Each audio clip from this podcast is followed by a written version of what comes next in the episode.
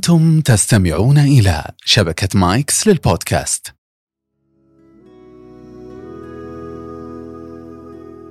السلام عليكم ورحمة الله. حياكم الله في هالحلقة إن شاء الله تعالى من موسم مهارات وحلول. إن شاء الله تعالى بنتكلم اليوم مع ضيفنا عن مهارة التأليف ضيفنا من دولة الإمارات العربية المتحدة الأستاذ علي الشعالي. حياك الله أستاذ علي. حياك الله دكتور ماجد وأشكركم على الاستضافة. الله يعطيك العافية. إحنا نستضيفك في بودكاست مهارات وأنتم مستضيفينا هنا في آه، دولة الإمارات العربية المتحدة وتحديدا في معرض الكتاب في أبو ظبي. بلاد وحدة طال عمرك. قبل قبل المقابلة كنا نتكلم وقلت أنا هنا في الرياض نعم. وكانت يعني من القلب طالعه. الله يعطيك العافية. أبد ديارنا وبين أهلنا وأحبابنا. آه، اسمح لي وأنا قاعد أعرف وأقرأ عنك وأعرفك أيضا للسادة المستمعين والمشاهدين. آه، أستاذ علي مهندس نعم. وشاعر ومؤسس آه، دار الهدهد للنشر والتوزيع. أول حاجة لفت نظري مهندس مدني ما شاء الله تبارك الله شوي تركت عالم الهندسة ولقيناك في عالم التأليف والشعر والأدب. طيب أنت ملاحظ إن إحنا خرجنا عن الأسئلة والمحاور. طبيعي. آه، أنا توقعت المفاجآت. آه، الشعر دائما هو ال- ال- الحقائق الأرقام. وال عفوا الهندسة. والشعر هي المنفذ. باب الخروج من آه، آه، المدينة والحياة اليومية المليئة بهذه ال- الضغوطات والالتزامات. ولذلك تجد أكثر من يكتب آه، الأدب هو من خلفيات علمية. أطباء ولكن أدباء هي منظمة آه، معروفة. والشعراء لهم باع في كتابة الشعر تحديدا آه، يسرح بك باستخدام الكلمات والمعاني والصور في عالم غير مقيد بأي شيء، أنت حر تماما على عكس الهندسة كل شيء محسوب وبالملي مثل ما نقول. فأنت ذهبت إلى حرية الشعر نعم عن غير اختيار. إلى حد كبير. اشتغلت في عالم الهندسة يعني فترة نعم اشتغلت في مؤسسات كبيرة في الإمارات في إمارة دبي آه، بدون ذكرها عشان ما يكون في تحديد لكن استمتعت بالهندسة واستفدت منها كثير الهندسة تهيكل ال- ال- الفكر وترتب آه، الأمور بشكل منطقي في ذهنك والشعر على قدر ما يبدو آه، عشوائي أو قدر ما يبدو في تحدي للمنطق لكن هو في خيط يربطه ينظمه مثل حبات ال- السبحة. بالطبع أكيد الإيقاع والبحور الشعر وأكثر من حاجة. حتى على مستوى المعنى إذا النتيجة لا توافق آه، آه، عفوا النتيجة لا توافق السبب نعم تجد أن ال- ال- المعنى مفتعل. يعني ال- ال- الكتاب هذا أو السطر هذا عدل بعد ما كتب. لكن ال ال ال إذا كان المعنى منتظم بشكل منطقي اذا هو صادق من القلب والعقل. بإذن الله هذه الحلقة تكون صادقة من القلب وأيضا من العقل. ودنا نبدأ معك عن مهارة التأليف ولكن قبلها وش رأيك في خلينا كذا نفهم لماذا وما هي أهمية مهارة التأليف؟ لأن بعدين بنسأل بعد شوي نقول هل ممكن الواحد يكون مؤلف وكيف والتفاصيل هذه؟ بس قبلها وش أهميتها في وجهة نظرك؟ لماذا؟ آه، الأفكار والمشاعر آه، تحدث في الذهن على اختلاف طبعا الثقافات اللي يقول لك القلب اللي يقول لك العقل خلينا نحط كلمة النفس. تحدث في نفسك. وكأنها آه، سحابات طائرة في الفضاء. فأن تمسك بها وتنقلها للآخر ركز على نقلها للآخر. محتاج أنت تفهمها وتقيدها في أو تضعها في قوالب لغوية. هذا معنى الكتابة. أن تمسك بالأفكار والمشاعر وتضع لها معنى. وتضعها على الورق أو في ذهنك إذا كنت حافظة من من من الأجداد اللي كانوا يحفظون الأبيات الطوال. الآن النقل للاخر هو الهدف يجيب على سؤال لماذا؟ الهدف من التأليف. آه، نحن كائنات اجتماعية وكتل من المشاعر والأفكار ويجب أن نتواصل، لا نتخيل آه، مجتمعات بشرية سوية وصحيح آه، التعامل فيها إلا بتواصل على المستويين ال- العلمي والشعوري. نحن كلنا خرجنا من تجربة قاسية في التباعد وعرفنا قيمة التواصل حتى على اثر على صحتنا الجسدية. فهذا لماذا؟ أن تتواصل مع نفسك اولا وتفهم نفسك وهو تعريف بسيط للذكاء الاجتماعي أو الذكاء العاطفي، أن تفهم نفسك ومشاعرك وأن تنقل هذه التجارب الخاصة إلى حد كبير وعامة، هناك تقاطع بينك وبين آه، إخوانك آه، في الأسرة البشرية الكبيرة. حتى لو لم يكونوا يمرون بذات التجارب لكن المعاناة في آه، مضمار العمل والنقل، التحديات الأسرية، ال- المشاكل في التربية يمر بها كل بني آدم من الشرق إلى الغرب والعكس.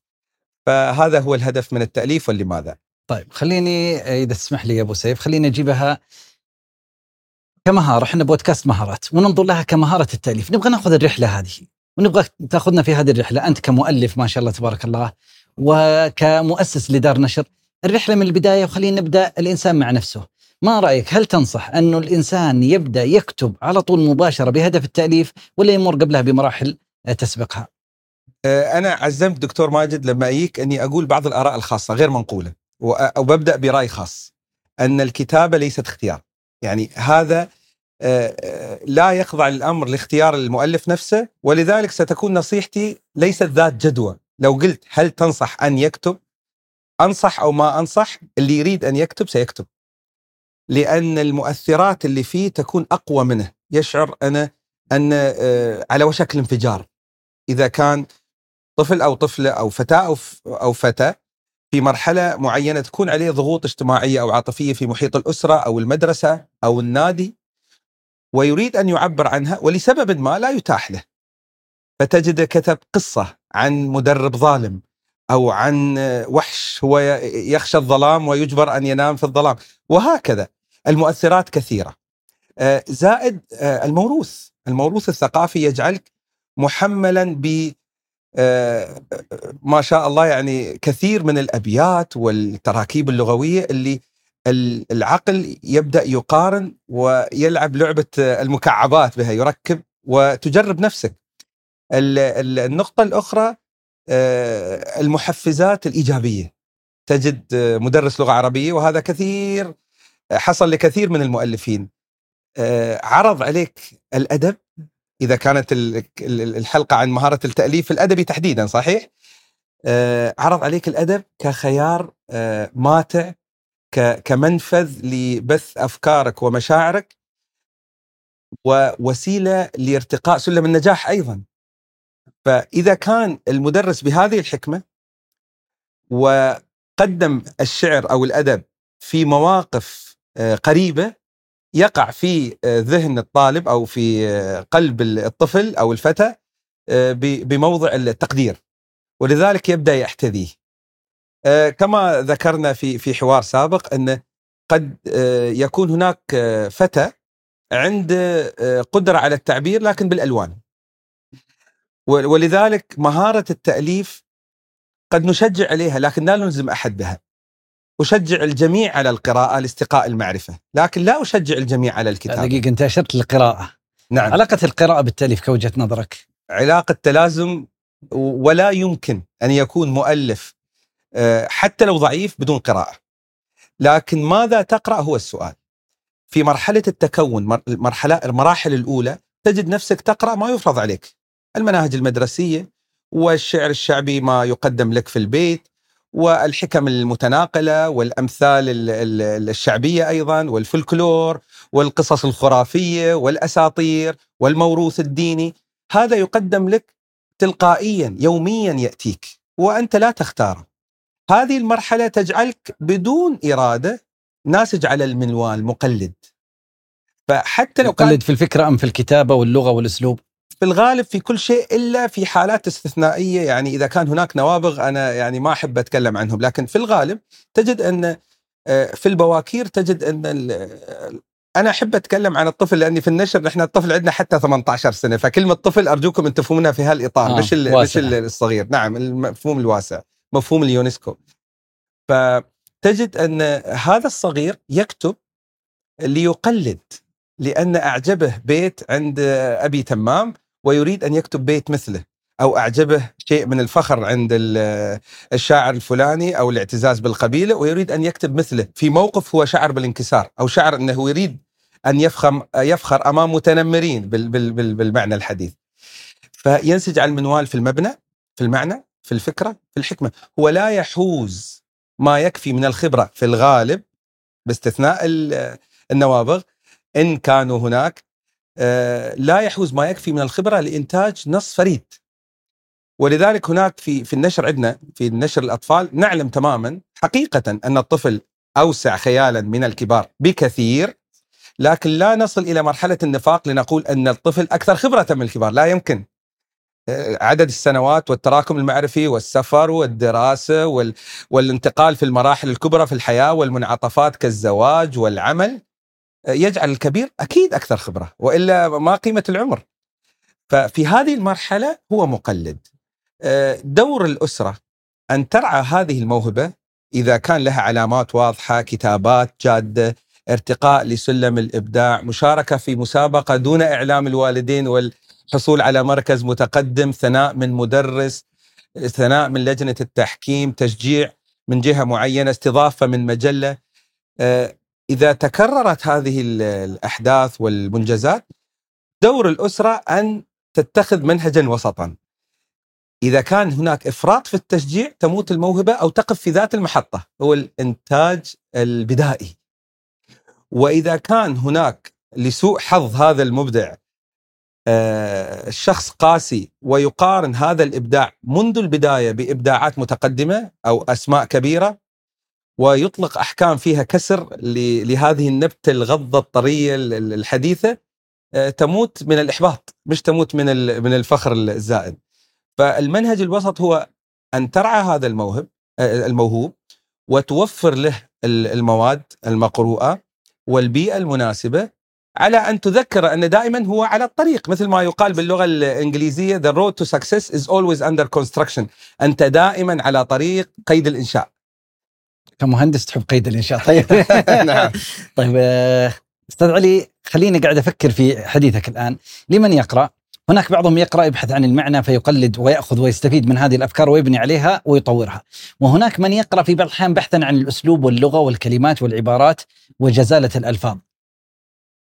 آه للمتخصصين. مثلا واحد يبغى آه، متخصص في مجال الهندسة آخر في علم الإدارة ثالث مهتم في الأدب رابع في الإعلام خامس حسب المجالات هذه.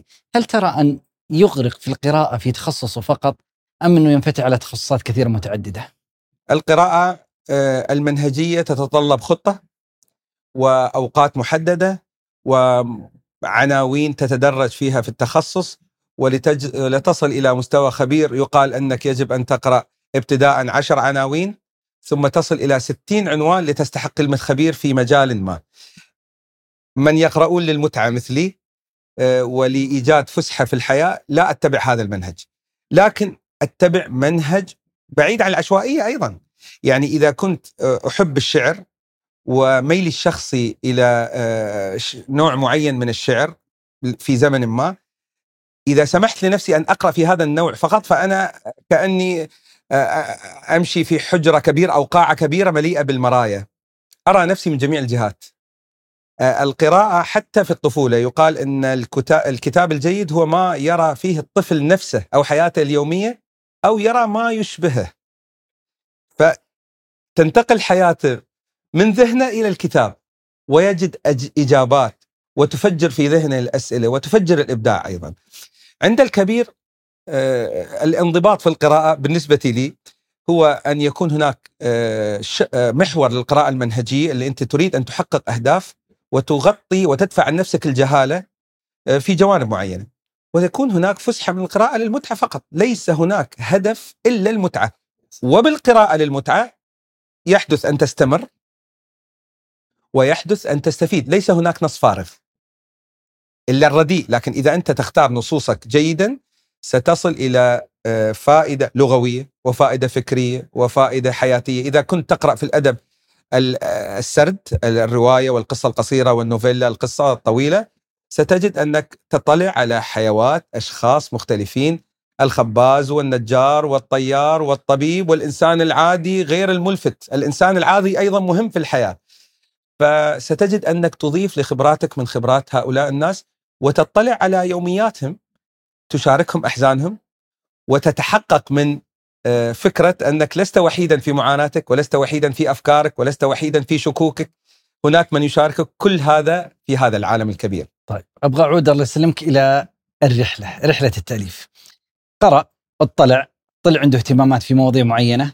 والآن أبغى أخرج عن الأدب وأخرج عن الطفل. أبغى أتكلم في مهارة التأليف بصفة عامة إذا تأذن لي. قرأ وخلاص جاهز السؤال أول شيء هل كل واحد ممكن يألف؟ هل أنا أقدر الف؟ ومتى سوف أحتاج إني أقول بسم الله الآن يجب أن اؤلف؟ بالنسبة لي بثبت عن إجابتي الأولى إن المؤلف ما يختار ستأتي اللحظة رغما عنه لأن هي مثل طاقة متفجرة ويجب أن تخرج وإلا ستخرج في آلام في جسده أو في أعراض أخرى. خلاص بتتفجر لازم يبثها في مكان ما. ستجده يكتب ستجده يتحدث ستجده يسجل يرسم هذه الطاقة. آه، العودة إلى التأليف مهارة التأليف. تكلمنا عن مرحلة التكون القراءة والنسج على المنوال رعاية الموهوب تشجيع المدرس آه، توفير المواد.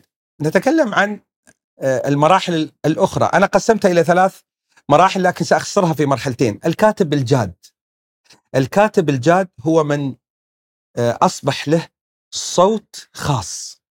تقرأ النص فتقول هذا لأدونيس هذا لغازي القصيبي هذا لسعاد الصباح. وفي مجال الرواية كذلك. حتى لو كان هناك تشابه في الأصوات لكن المعجم اللغوي. المشاكل التي يناقشها الكويتي تختلف عن المشاكل اللي يناقشها المصري. المعالجة القرب نسبة الفكاهة نسبة الجدة التركيز الجرعة الدينية. هذه الثقافة ستنعكس شئت أم أبيت حتى لو حاولت الاصطناع أو التكلف أنت مكشوف. مشاربك تخرج في آه، آه، مخارجك. ولهذا فالكاتب الجاد هو من يستطيع أن يتحكم في ال outputs نرجع للهندسة. أكبر معادلة في الهندسة للعلم هي هو ال input يساوي ال input ال output مع البروسيس اذا المخرجات لا تساوي شيء إلا المدخلات بعد المعالجة. إذا عدلت المدخلات بتتعدل تلقائيا. تلقائيا تتعدل المخرجات. لا يمكن أن تتصور أن تصب في وعاء ماء ويخرج عصير برتقال. بالتأكيد هذا ينافي العقل. فالكاتب الجاد يصل إلى مرحلة يعرف تماما ويدرك أنه بحاجة الآن للقراءة في مجال الفلسفة. لأن عنده كذا ناقص. يعود للقراءة التراثية ثم ينتقل إلى الكتاب المترجم لأنه يريد أن يكون معاصرا. He doesn't want to lose touch. يريد أن يبقى على اتصال بحاضره ثم يعود لجذوره وأصله. ويثري تجربته ويأخذ هذه السفينة في هذا البحر المتلاطم اللي اسمه الحياة مع الوقت ويصبر. دائما سيشعر بالنقص. المبدع والكاتب تحديدا. أنا متحيز الكتاب عن الرسامين وعن وعن الفنانين كلهم. الدكتور البروفيسور عبد الله الغذامي قبل أيام كان في معرض أبو ظبي وقال قمة الفكر الفلسفة وقمة الإبداع الشعر. وأنا سألتزم بكلام أستاذي. ف الشاعر والمبدع في المجمل كائن قلق. يشعر دائما بالنقص ويشعر دائما بالذنب تجاه تجربته وتجاه الآخر. وهذا قد يفسر القنبلة التي تريد أن تنفجر. يريد أن يقول شيئا للعالم يريد أن يحدد موقفا. هو يعيش قلق بسبب ابتداء هويته. هو عنده علامات استفهام كبيرة عن هويته. مش بالضرورة اصله هويته ككائن. موضعه من أبيه. موضعه يعني من من مجتمعه. هذه الأسئلة تلح عليه بشكل مزمن إلى أن تقدح شرارة الإبداع وينتج. الكاتب الجاد نعود لما بعد التكون. يجي صوته قسمين كاتب جاد و؟ قلنا التكون الكاتب الجاد في مراحل الأولى قلنا بنختصرهم نعم. إلى إلى قسم واحد. جاد كاتب جاد في مراحل الأولى. عنده ملامح الصوت الخاص لكن كاتب جاد متقدم أصبح متحرر من النقد الخارجي.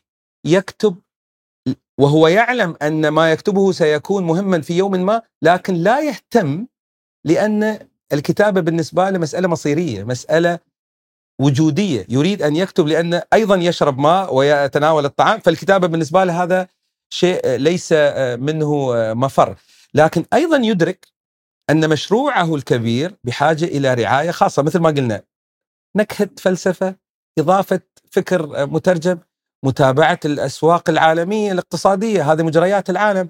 الاطلاع على ما يحدث في البيئة. أنا ابن بيئتي. فهذا الكاتب الجاد.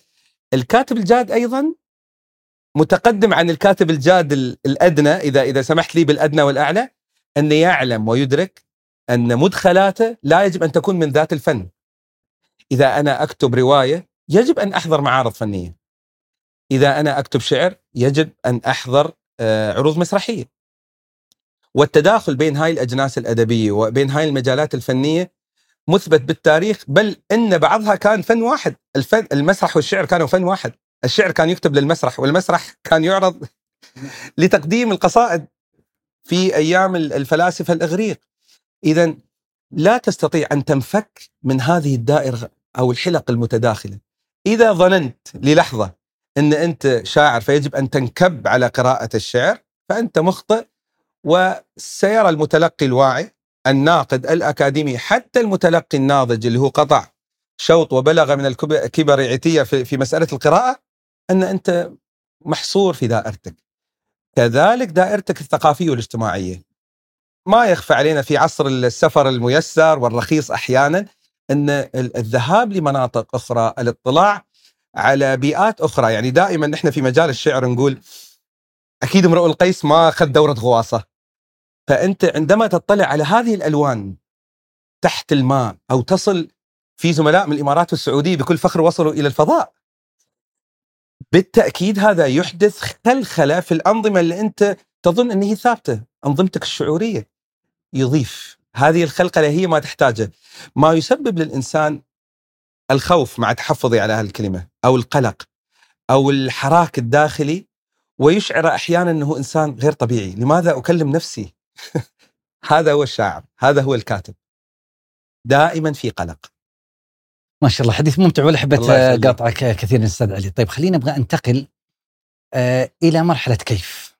مرحلة الآن هو في خلاص وصل وبنى الفكرة وأخذ كثير من يعني المعلومات التي ذكرتها مشكورا بس وصل إلى مرحلة كيف. وخليني يعني أفسر كيف بأنه جلس على الطاولة معه يعني اللابتوب أو الكمبيوتر المحمول أو ورقة وقلم أو أي طريقة يحب أن يكتب فيها وبدأ يكتب وبدأ يرتب افكار وبدأ يأخذ راحته على مراحل كثيرة متعددة، ما هي التوصيات في هذه المرحلة؟ طيب لأن بعدين سوف ننتقل مرحله المراجعة والتقييم، مرحلة النشر، مرحلة مرحلة فخلينا نمر على هالمرحله المرحلة أول. مسألة كيف، مسألة كيف واسمح لي إن كنت في المراحل السابقة تحدثت عن التلقي أكثر من الإنتاج. الآن نأتي للإنتاج ممارسة الكتابة مهارة الكتابة والتأليف. آه، في مقولة شهيرة لستيفن كينج الكاتب المعروف اللي حولت كثير من رواياته إلى أفلام. إن لم تكن قادرا على إيجاد وقت للقراءة فلن تجد وقتا للكتابة. المسألة بسيطة جدا. العبارة على بساطتها لا تركز على القراءة والكتابة هي المسألة تركز على الجانب العملي. إذا أنت تقول أنا موهوب لكني مشغول عن القراءة إذا بالتالي أيضا لن تكتب. فمنطقيا إذا أردت أن تؤلف يجب أن تخصص وقتا للتأليف. مع قناعتي الشخصية أن هذا الأمر ينطبق بنسب مختلفة على الجنس الأدبي الذي تكتبه. وإذا وضعنا خط فاصل كبير داكن أحمر قاني بين الشعر والسرد السرد القصة أو الرواية تحتمل أن تكون مشروعا منظما. يوم السبت من الساعة 11 للساعة 2 بجلس أكتب جزء من فصل في روايتي الكبيرة التي ستنتهي خلال ستة أشهر. هذا مقبول. لا تستطيع أن تقول ذات الشيء عن الشعر. يوم السبت الساعة 11 بكون في حالة شعورية مختلفة وسأكتب قصيدة من كل أسبوع. لا يمكن. الشعر بحاجة آه، إلى حالة آه، شعورية مثل ما ذكرنا خاصة جدا وتوهج يصل بك إلى أن تكتب كلاما على غير نسق الكلام العادي. لكن في المجمل تخصيص وقت. تحضير الأدوات العملية. إذا أنت تحب القلم اللي خطه جميل اشتري عشر أقلام خط جميل بألوان مختلفة وخلهم عندك. في عصرنا هذا كمبيوتر جيد شاشة كبيرة آه، كيبورد جيد. أنا كنت أخبر آه، أحد الزملاء في يوم من الأيام أن آه، روايتي التي كتبتها. أنا في الأساس أكتب شعر لكن عندي محاولة في مجال الرواية. استغرقت مني ثلاث سنوات بسبب الانقطاعات. عدم تخصيص وقت محدد. لأني جاي من مجال الشعر المزاج. ولأني كنت أكتبها على كمبيوتر ضعيف. ففي نصوص في فصول كثيرة كنت أضطر أراجعها واجد أجد منها في حروف ساقطة أو الكيبورد مش مريح. فالاعتناء بالأدوات ما يسمى بالجوانب اللوجستية العملية. أو خلينا نقول طقوس الكتابة. طقوس الكتابة والمعينات عليها. غرفه جيدة الإضاءة جيدة التهوية منقطعة إلى حد ما عن إشغالات الأطفال أو إذا كان هناك واجب اجتماعي يقوم به أحد أفراد الأسرة ممكن تسحب نفسك وتستقل. العزلة بمفهومها الواسع. السفر الذهاب لمزرعة بعد المشتتات الجوال التلفاز. الجوال. طبعا هذا هذا روحه عدو كبير لكل الكتاب والمبدعين. صدقني يعني حتى إذا أدخل الكلام في بعضه في مجال النشر الأطفال والكتابة تجد أن أي شخص في هذا العصر تسحب عن الجوال لأي سبب سبب انقطاع الشحن أو عقوبة لطفل سلوكه يختلف تماما. تجاه الإبداع تماما. آه، في في في شقيه التلقي والإنتاج. تماما. فنعود للمهارة. إعداد آه، ال- الجوانب العملية ويعني ممارسة طقوسك كما تحبها. لنستأنس بالخطاطين. يعني تسأل الخطاط يقول لك أنا إذا كتبت آيات آه، من كتاب الله يجب أن أتوضأ وألبس أفضل اللبس قبل أن أبدأ. هذا طقس يقوم به الخطاط ويريحه ويجعله آه، مؤهلا ويشعر بالكفاءة لحمل آه، ايات الآيات الكريمة. ال- الكاتب في كتاب يحب يكتب بالبيجامة وفي كتاب متقاعدين لكن يستيقظ صباحا يأخذ الدش ويجلس بلبس العمل على مكتبه لأن هذا عمل. فهذه مسؤولية ويريد أن يتعامل معها بالتزام ساعتين أو ثلاثة أنا منقطع العالم وأحصل على أجري. وهذه النقطة أحب أن أشدد عليها إن الحافز النفسي في بيئات تحفظ الحقوق وتحترم الملكية الفكرية وتعامل المبدع آه، شخصية مؤثرة ومقدمة وتعلي من شأنه وتجعله مكرما آه، دونا عن آه، التافهين وال- والبهلوانات اللي نشوفهم في بعض الوسائل أحيانا. هذا محفز داخلي عميق إن أنا أمارس شيء نبيل. أنا أرتقي سلم المجتمع وأضع نفسي في مكانة رفيعة لي ولورثتي. سيقول أبنائي أن أن أبانا كان شاعرا أو كان اديبا. إذا كنا وهذا في سوى المجتمعات العربية إذا كنا في مجتمع لا يقدر هذا المبدع يتسلل إليه الإحباط إن لم يكن دائما من فترة لأخرى. فهذه الخطوات العملية. الخطوات الفكري الفكرية أو ال- ال- الخطوات الفنية ال technical side مش ال practical side technical side واعتذر عن استخدام اللغة الإنجليزية لكن لأن الفنية فيها اختلاط بين الفني ال artistic وال وال والفني ال- ال- التخصصي. الخطوات التخصصية يجب أن تلم بروافع وأدوات عملك أو فنك اللي تكتب فيه. ما ينفع تكتب رواية وأنت في الحقيقة تكتب قصة طويلة أو تكتب شيء يشبه الأسطورة مليء بالخرافات غير المبررة أو التسلسل المقطوع أو الشخصيات غير المبنية أو ال- الشخصيات غير ذات الملامح المسطحة التي تشبه تشبه بعضها بعضا في الصوت والشخصية وفي الكرم والبخل والعصبية. أنت تكتب نفسك في الحقيقة. ف آه، ال- ال- الرواية لها آه، مهارات محددة ولها اتجاهات حديثة. لا يمكن أن تغتر بقراءاتك للكلاسيكيات العالمية وتعيد إنتاجها ونحن في عصر يكتب رواية مختلفة تماما. تبدأ بالمفاجأة. تبدأ من حيث تنتهي وتنتهي من حيث تبدأ. التصاعد آه، مش واحد الكلايماكس أو القمة أو الحبكة ليست واحدة. أحيانا يكون في عدة قمم. أحيانا لا يكون هناك مفاجأة رواية خطية لكن المفاجأة في الشخصية.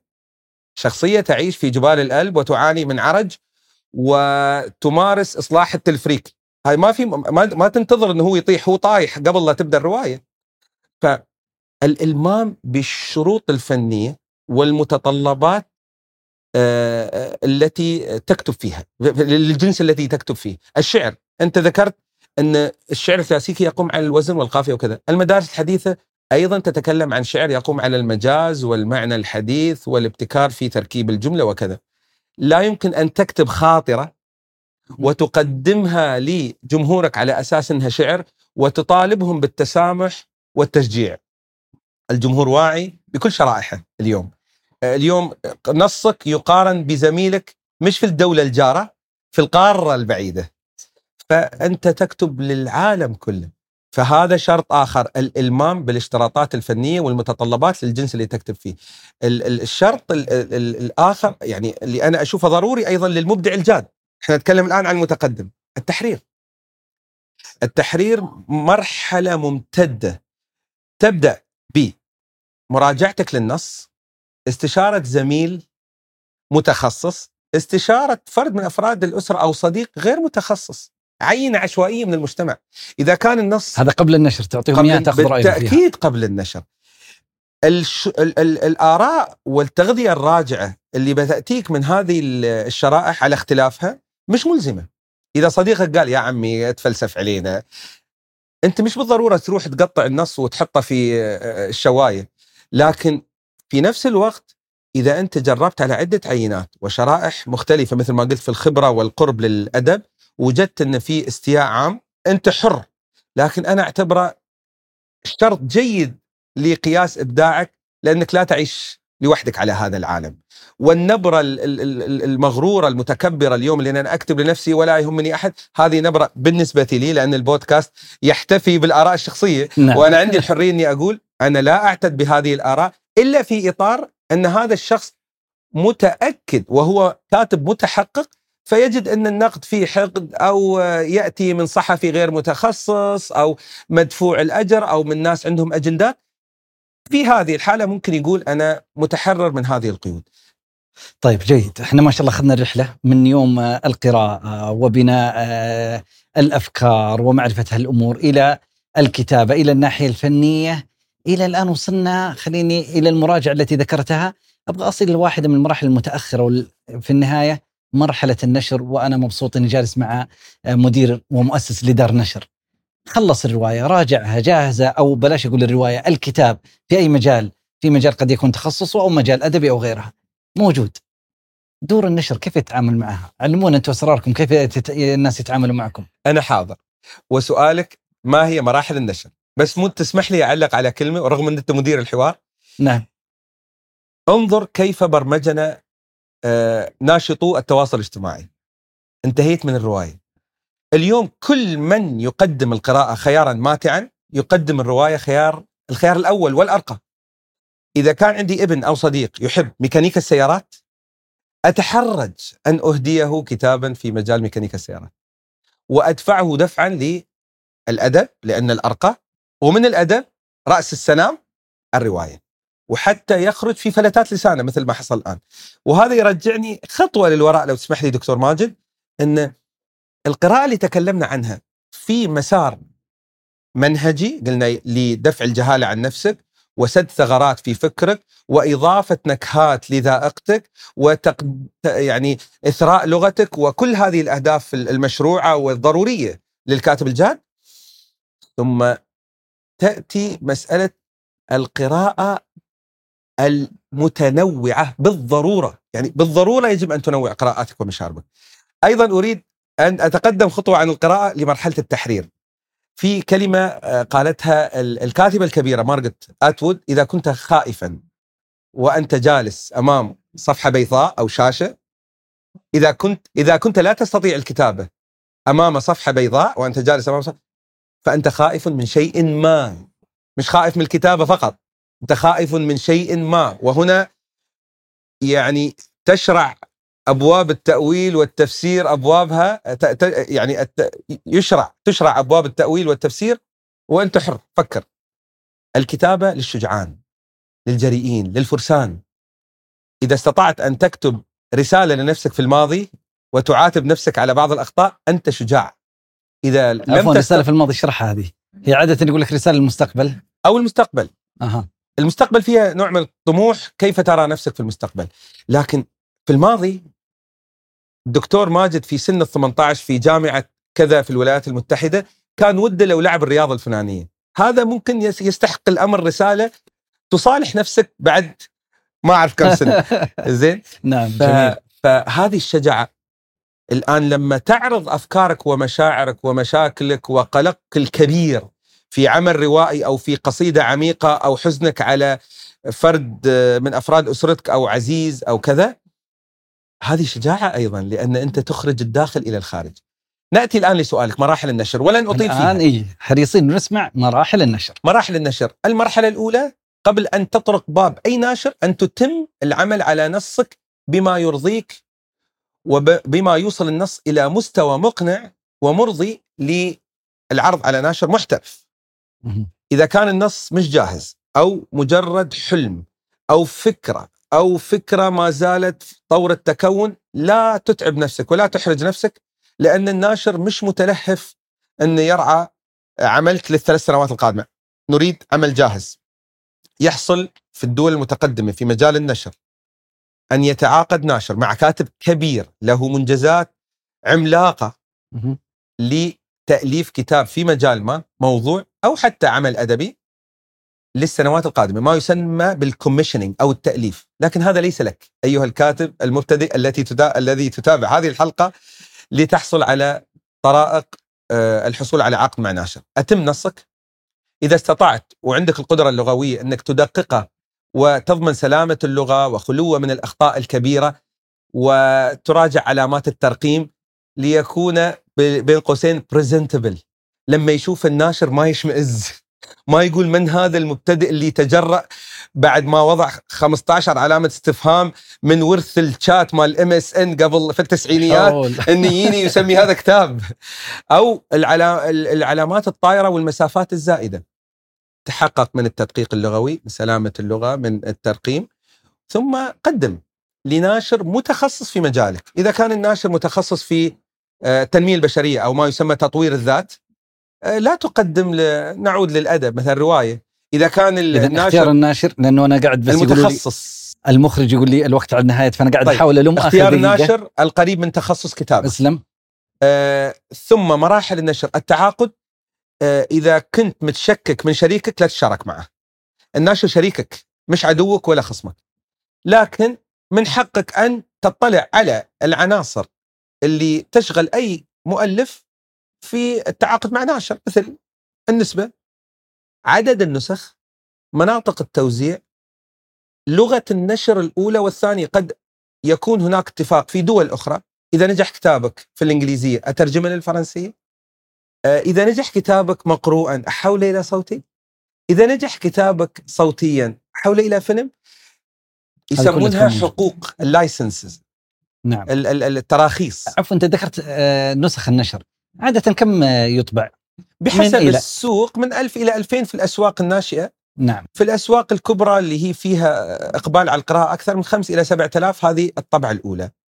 وبحسب اسم ال- المؤلف والموضوع وشهرته والموضوع والجوائز اللي حصل عليها في عوامل كثيرة بس يسمونه rule of thumb أو ال- ال- الرقم السريع 1000 إلى 2000 الطبعة الأولى أنت جربت إبداعك والناشر جرب استثمارك وهذا حق مشروع للطرفين حقيقة الحديث معك ممتع أستاذ علي ولكن. للأسف الوقت ضاق علينا.